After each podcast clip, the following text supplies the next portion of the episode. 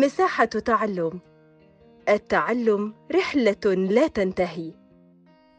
مساء الخير أو صباح الخير على حسب الوقت اللي بتسمعوني فيه. معاكم مستر محمد صلاح وده بودكاست مساحة تعلم التابع لهيئة كير الدولية مصر. بنتكلم أو بنراجع عن المنهج المصري العام الدراسي 2021-2022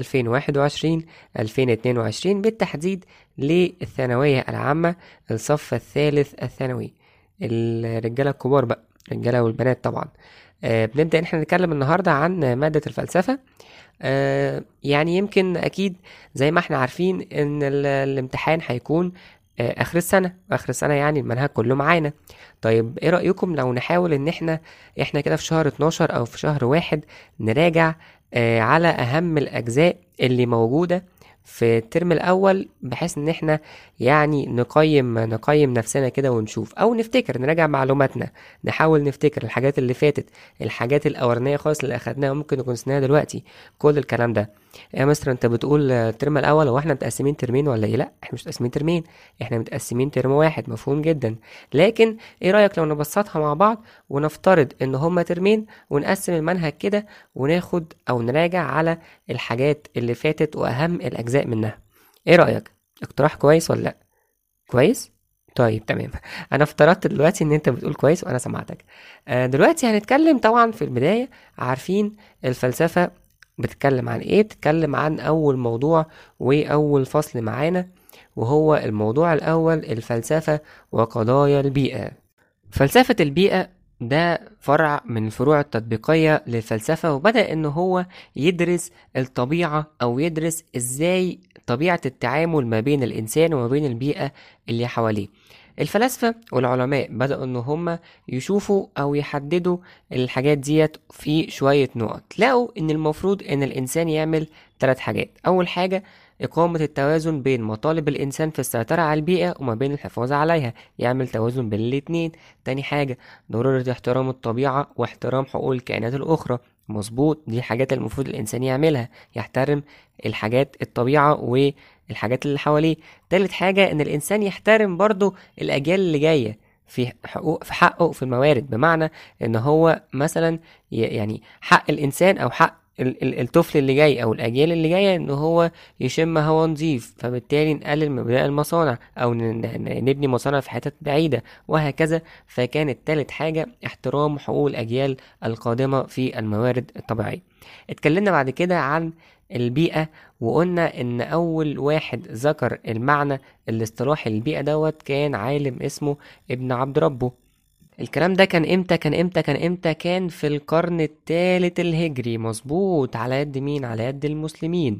ابن عبد ربه أول واحد هو اللي قال للمعنى أو أشار للمعنى الاصطلاحي للبيئة. المعنى البيئة في نوعين في المعنى اللغوي والمعنى الاصطلاحي. المعنى اللغوي كان إن البيئة رجع لأصلها اللي هو باء أو تبوأ واتكلم عنه ابن منظور بأن باء يبوء بوءا أي أقام في بيتا وده معناه إن المكان أو أو المنزل اللي بينزل فيه الكائن الحي.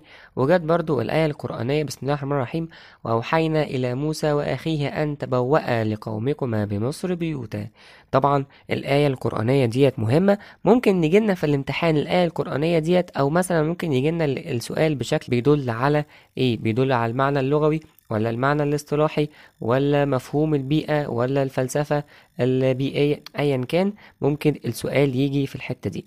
وكان معنى البيئة الاصطلاحي بقى إن هي مجموعة من الظروف والعوامل الطبيعية والاجتماعية والاقتصادية والجمالية التي تحيط بالبشر أو بمفهوم تاني مجموعة الأشياء والظواهر المحيطة بالفرد والمؤثرة فيه. فممكن إن إحنا نقول بيئة داخلية ممكن إحنا نقول بيئة طبيعية ممكن إحنا نقول بيئة خارجية ممكن نقول بيئة فلسفية آه، بيئة فكرية بيئة سياسية كل الكلام ده. وممكن برضو نوضحهم في نقطتين إن هي ممكن إن هي تحتوي على الوسط الطبيعي زي الوسط الجغرافي أو الوسط المكاني أو الوسط الأحيائي. وممكن نتكلم عن المناخ السياسي والمناخ الفكري والمناخ الأخلاقي.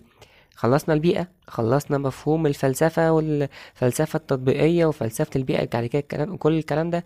دخلنا بعدها عن إيه هي بقى مستر المراحل اللي حصلت ما بين تفاعل الإنسان والبيئة؟ الإنسان بص للبيئة إزاي على مر العصور.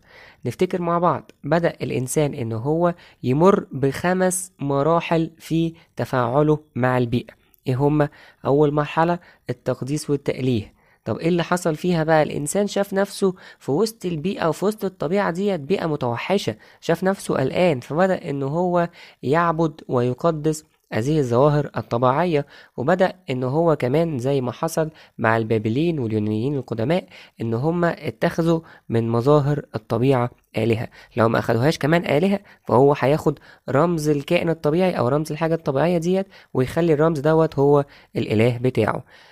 كملنا. دخلنا بعد كده اتطورنا شوية بدأ إن يظهر المرحلة اللي بعد كده واللي كانت اسمها مرحلة التفسير والتوظيف. هنا بقى بدأت مع الحضارة اليونانية مع ظهور الفلسفة مع ظهور كده إيه يعني سنة تفكير وسنة منطق وبنقول سنة عشان لسه في المراحل اللي جاية هيبدأ إيه ده يبان أكتر وأكتر. بدأ هنا أيام الحضارة اليونانية حتى مطلع العصر الحديث.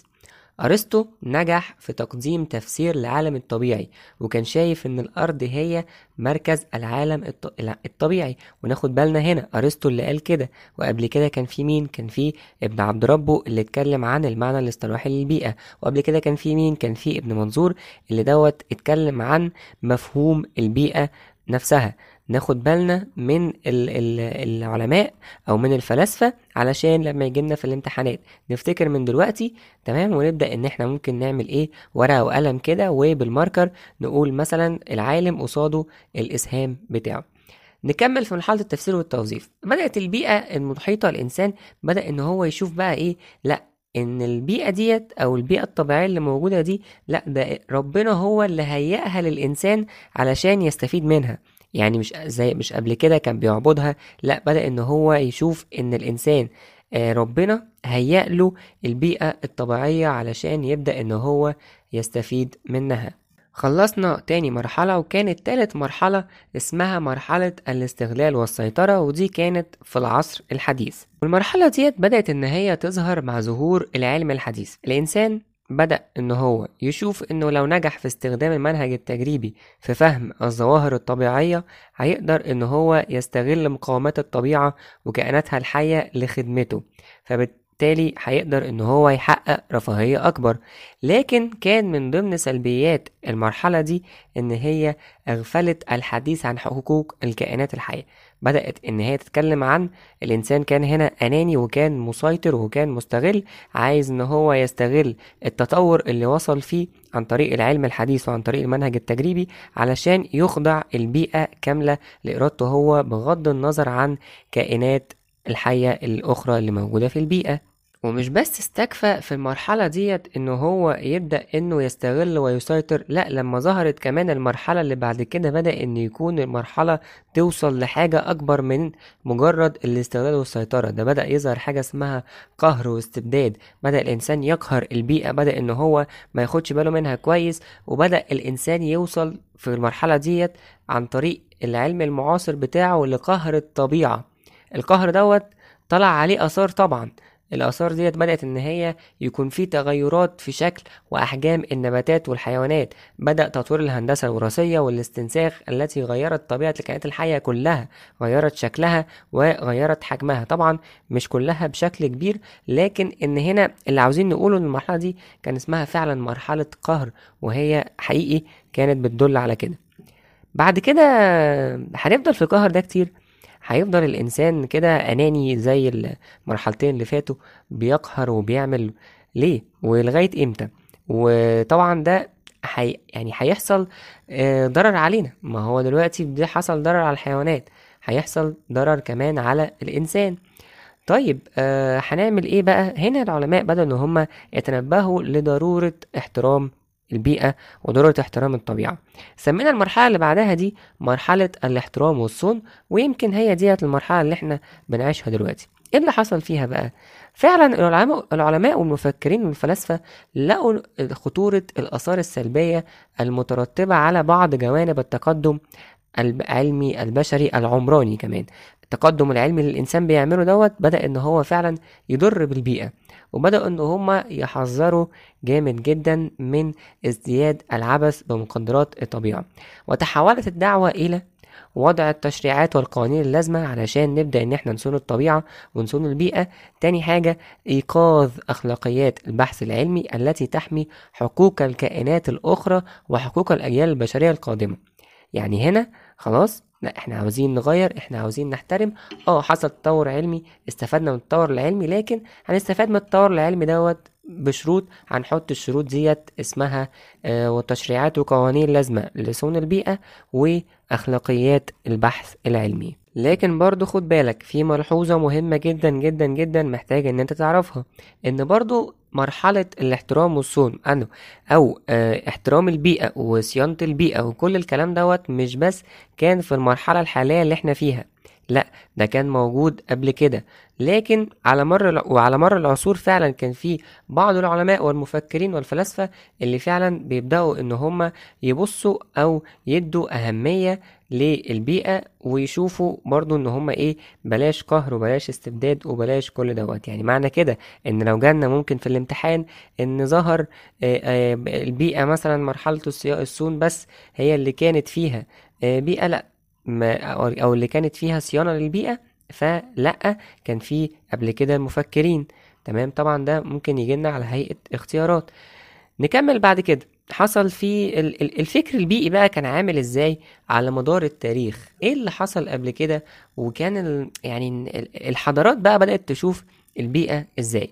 اتكلمنا عن الفكر البيئي في الشرق القديم والفكر البيئي عند المفكرين العرب. مظبوط. طيب نرجع للشرق القديم. كانت متقسمة لحضارتين وهي حضارة مصر القديمة وحضارة الصين القديمة. نبدأ في مرحلة مصر القديمة. كان إيه اللي بيحصل فيها؟ نقدر نلخص الفكر البيئي في مصر القديمة في أربع جزئيات مهمة. أول حاجة إن حصل في العصر دوت أقدم كتاب مصور عرفاته الإنسانية وكان اسمه كتاب الموتى. إيه اللي حصل فيه بقى؟ بدأ إن هم يدركوا أن الحفاظ على البيئة هي أحد أو إحدى الوسائل التقرب إلى الله. الله ده هنا فعلا في في تطور أهو. تمام. إيه بقى الجزئية التانية؟ كانت الجزئية التانية تعويذة اسمها تعويذة إعلان البراءة أمام الإله العظيم. ده كان بيأكد فيها المتوفي على احترامه لكل حقوق الكائنات التانية. فكان بيقول أنا ما حرمتش الماشية لم أحرم الماشية من عشبها ولم أمنع المياه في موسمها ولم أصنع الفخاخ لعصافير الآلهة. دي كانت تاني نقطة عندنا في نقطة مصر القديمة. تالت نقطة كانت اتخذ يعني اتخذوا الفراعنة يعني أو الشعب المصري في عهد العصر القديمة. بدأ إن هم يتخذوا من مظاهر الطبيعة السماء الأرض الشمس النبات الحيوان. بدأ إن هم ياخدوها كصور وأشكال للآلهة. رابع حاجة عندنا بدأ الإنسان إن هو يقدس نهر النيل وبدأ إن هو يقرأ التراتيل والأناشيد في صلواته. خلصنا الحتة بتاعة مصر القديمة. دخلنا بعد كده على الايه الصين القديمة. مظبوط قلنا إن دوت الفكر البيئي في الشرق الشرق القديم. مش الغرب ولا الشرق الأوسط ولا الغرب الأوسط ولا كل الكلام ده. هي كانت اسمها الشرق القديم. تمام؟ كانت متقسمة لمصر القديمة والصين القديمة بحيث إن هو لو جالنا في الامتحان ما نبقاش إحنا ناسيين ومتلخبطين. دخلنا بعد كده على الصين القديمة. برضو نقدر نلخصها في شوية نقط. كانت الطبيعة عند المفكرين الصينيين آه تمثل حاجة كده اسمها الطاو الطاو دوت بقى يعد المبدأ والمال الذي تأتي منه الأشياء وهو القانون الطبيعي للأشياء. وكان الطاويين هم أقدم من استبصر لضرورة العالم وأمنوا بحكمة الوجود الطبيعي وأمنوا باتساق الوجود دوت وانتظامه. في الفترة دي في الصين القديمة كان العلاقة بين كائنات الطبيعة لا تمايز فيها الإنسان أو لا تميز الإنسان عن غيره من الكائنات. يعني إيه؟ يعني كانوا شايفين فعلا إن الإنسان وغيره من الكائنات دول مفيش اختلاف كتير بينهم هما كلهم محتاجين إن إحنا نحافظ عليهم. كان من أبرز العلماء أو الفلاسفة في الفترة ديت الفيلسوف اللي اسمه لاوتسي بالظبط. اسمه لاوتسي. مظبوط. كتب أو بدأ إن هو في كتابه الطاو كتابه الطاو بدأ إن هو يقول يخاطب الإنسان وبيقول له أتحسب أنك قادرا على تولي أمر العالم وتحسينه؟ أنا لا أرى ذلك ممكنا. العالم مقدس ولا يسعك تحسينه ولو حاولت تغييره لكان خرابا. ده كان أول تحذير يطلقه فيلسوف للتأكيد على أن محاولة الإنسان لتغيير العالم أو التلاعب بالطبيعة ممكن الحاجات دي تبوء بالفشل. هنا خلصنا حتة الصين القديمة ومصر القديمة اتكلمنا شفنا الدنيا ماشية إزاي. يعني يمكن بدأنا إن إحنا آه، ذهننا ينشط شوية. آه، في record ات ديت سواء اللي بنتكلم فيه دلوقتي أو بعد كده نبدأ إن إحنا بس نحط إيدينا على النقط الأساسية اللي بتفكرنا بالمنهج اللي فات أو بتفكرنا بال term دوت اتكلمنا فيه إزاي. طب ال term ده مستر إزاي؟ هو إحنا متقسمين لترمين فعلا؟ لأ إحنا عادي متقسمين لترم واحد لكن تسهيلا علينا وعلشان مراجعتنا بنراجع كده إيه نبص بصة سريعة على اللي فات علشان نقدر نكمل.